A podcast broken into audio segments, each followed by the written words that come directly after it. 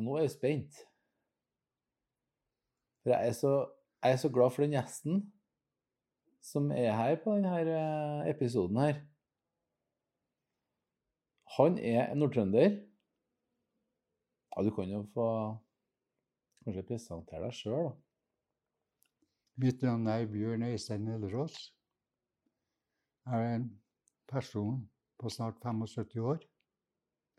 Vært i Trondheim siden 1969. Siden jeg kom hit i kirka første gang for ca. fire år siden, møtte jeg en person som heter Haldor, pluss av Kari Hole, heter tror jeg. Ja, ja. Kari Hol. Og jeg var velkommen som de andre. Da var det langbord i kirka. Det langbordet kommer jeg ikke aldri til å glemme. Det var pålegg fra A til Å. Og dermed ble jeg hekta på kirka. Det er en plass å komme. Jeg blir så glad når du forteller det. Altså, en som, eh, en som inviterer deg inn her, og så er langbordet der. Og jeg har jo sjøl sittet med langbordet her i kirka mange ganger. Og jeg, nå kjenner jeg jo at jeg savner det. For vi har jo ikke hatt langbordet etter koronaen, men vi skal ha tilbake det, altså. Her. For det er så trivelig, det. Ja. Vi har det trivelig i dag òg, men det blir på en annen måte. Ja, ja. For da alle kjente alle den ungen. I Ja. dag er det Hei, hvordan er det? Nesten. Altså, på dør. For langbordet, da, da kommer en jo sånn enda tettere på hverandre litt og sånn, da. Ja. Så denne virksomheten i kirka her, det er jo det som er utgangspunktet for denne podkasten. Folk som er her, og som trives her, og som har funnet en plass her. Og det er så fint å høre. Du fortalte noe annet òg. Du har jo vært her ei jul, kunne du fortelle. Ja, jeg har samboer, Ja. og hun levde jeg sammen med over 30 år. Morsdagen for fire år siden ringte jeg til venner sørpå. Så pekka het Bjørg. Pekka borti ja, Bjørg, nå har jeg tatt igjen samme setningen flere ganger. Nei, ikke jeg gjort! Så skart i ansiktet på meg. Det har jeg aldri opplevd på godt over 30 år. Sendte jeg til legen på mandagen. Fikk beskjed fra legen. Kom seg ned på sykehuset. Kom ned på der. Fikk jeg beskjed at jeg hadde fått kreft på begge sider av hjernen. Lungespiss og mandel og diverse. Jeg har fulgt opp henne i ca. et halvår. Da greide ikke jeg noe mer. For da var det nesten kroken på døra for at hun forlangte ditten og datten av meg. Og jeg har ikke kapasitet til å følge opp. Og derfor har jeg mye å takke en Haldor, Kari, samtlige dem som jobber i kirka her, for at jeg kom, fikk komme inn. Og jeg er velkommen om det har vært klokka ti på kvelden.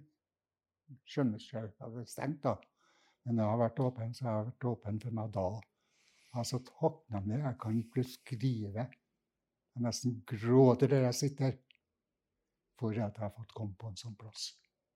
Har ikke jeg vært det, så tror ikke jeg sitter her i dag.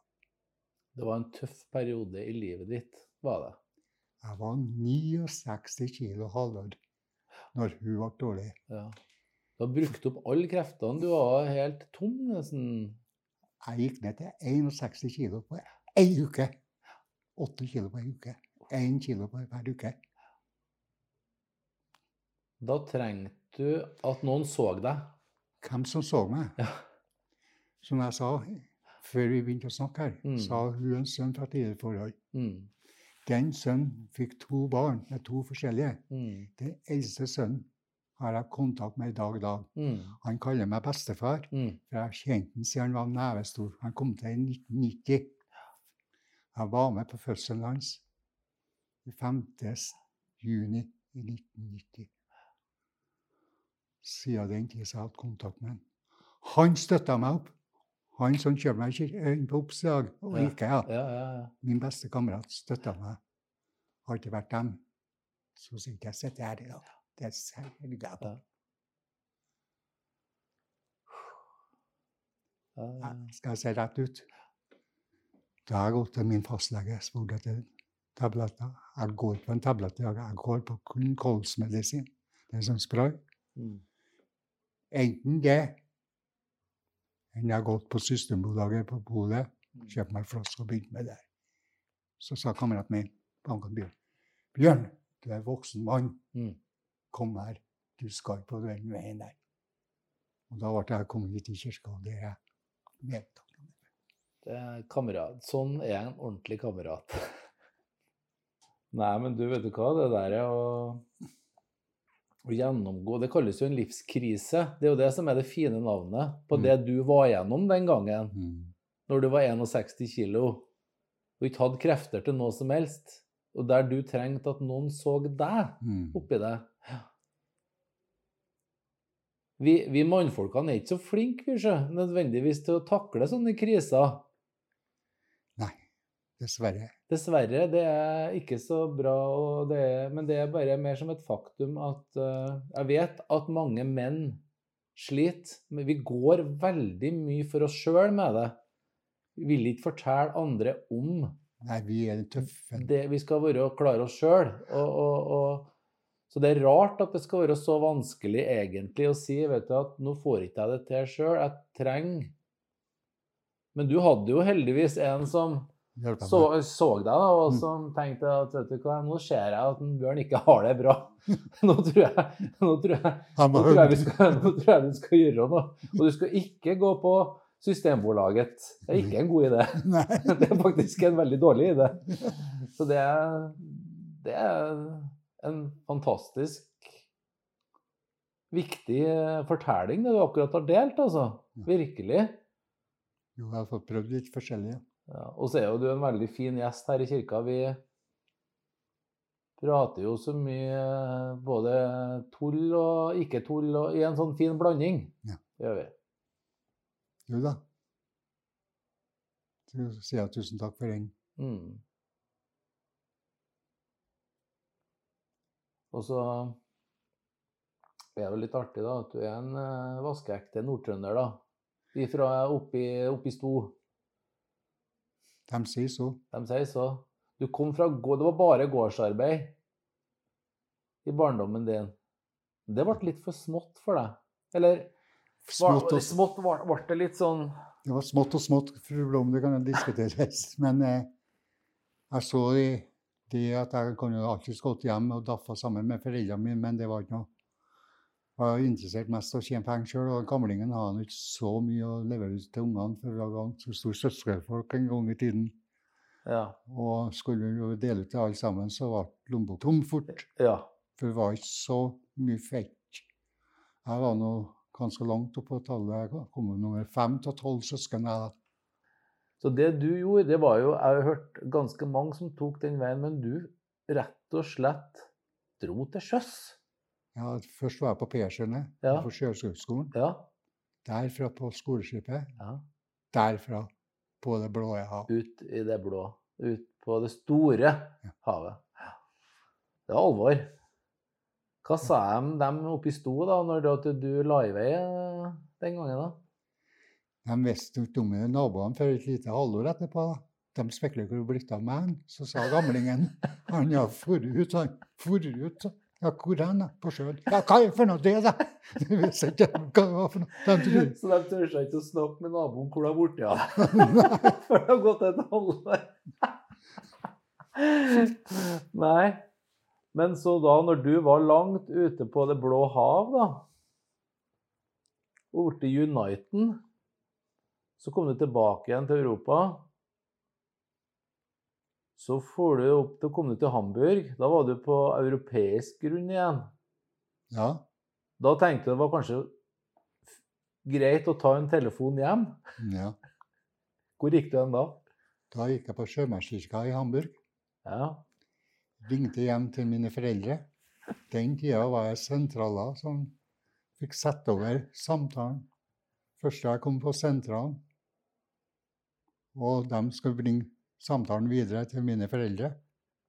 Ferdig med samtalen, så sier jeg 'ha det bra, mor og far'. 'Takk likeens', har hun på sentralen. Hvis dagens avis har kommet kom ut. Så sentraldama satt og hørte på. Ja, ja, ja. Nei, det Men det må være litt spesielt, den der praten, når du da, for da har jo du vært borte lenge. Ser jeg for meg. Ja. Mm. Hvis han skal ha gratis hjemreise den gangen, Ja. det var 18 måneder Som en måtte være ut Ut. først. Ja. for å få gratis hjemreise. Ja. Så gikk han ned til 12 måneder etter hvert. Men Bjørn, som dere sitter og snakker med her og nå, ja. han var fem år sammenhengende år ut. For han torde ikke å komme hjem på grunn av av at han var fullstappa av astma. Den fikk jeg kvitt når jeg var i varmere strøk. Jeg Ah. grua for å komme hjem. Og første jeg gjør Jeg kommer på Værnes, tar flybussen inn til Trondheim, går på Adresseavisa, Adresseavisa som lå i Nordre her i Trondheim Ja, til da. ja, ja, ja. Steppa opp der mine kofferter. Spurte etter min bror, for han jobba der, på annonseavdelinga. De bak skranken respekterte ikke akkurat den samtalen. Så sa jeg unnskyld, sa jeg. Gå an å få snakke med min bror Bjørn Øystein, sa jeg. «Eh, Kan jeg få snakke med Ingvar Ellerås, jeg. Min bror. Ja, et øyeblikk, så kom jeg. Er Du kom hjem, sa han. Først jeg fikk høre. Da var jeg helt fri. Så går vi tilbake helt til jeg ble 50 år. Da sa min gamle svigermor Bjørn, sa etter du er 50 år, så får du kols. Ganske riktig. Bestemt. Og det har jeg slitt med helt til nå. Men jeg går på medisin. ja. Først som spray vi tar. Mm. Og som jeg sa innledningsvis, jeg blir 75 i sommer. Jeg føler meg ganske sterk i kropp av det. Eneste jeg sliter med rygg nå, og det går jeg har behandling for. Ellers er kroppen helt OK. Mm. Men du, eh, vi skal ikke prate så gærent lenger, men det var veldig artig at du sa ja. Jeg syns du var så modig eh, for denne gatepraten. Jeg liker det at du, at du ble med. Det setter jeg veldig pris på. Og så har jeg ei bestilling til slutt i dag. For det, det var en sånn historie du fortalte i går, fra Levanger. Husk, skjønner du hva jeg tenker på? Når du skulle fylle på Levanger, så var det en gammel bensin... For at det, Ja, ja. det starter jo det starter jo fra gammeldagene. Eh, For, at, for det der, nå har du fortalt om gangen da det var sentraldame når du skulle ringe hjem, og så var det jo den gangen du skulle fylle bensin på Levanger. Det var den gangen ja. du, du parkerte bare bilen foran pumpa, og så satt du bare der, og så kommer det da en egen en ut for å fylle bensin. Mm. Personen kommer ut, ja. Så sier Haldor sier Skal det være bensin? Ja takk, sier jeg. Det var på en vinterdag som i går. Grått og stygt utafor døra til på bensinstasjonen. Ikke bare nok med det, han har to foter som oss, han men han har trefot til ene foten. Han sklei fot... eh, Trefoten for ut av buksa. Jeg kneppa ned buksa og satte på foten på nytt. Skal det være bensin i dag fortsatt? Så han, han med trefoten, han sklei på holka, og der for trefoten bort gjennom.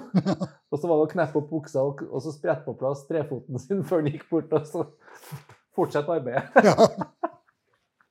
Det, det er en sånn scene som du bare aldri som du, som du bare tenker at noe sånt har du aldri sett før, og kommer aldri til å se igjen. Men det sitter fast som vi var i går.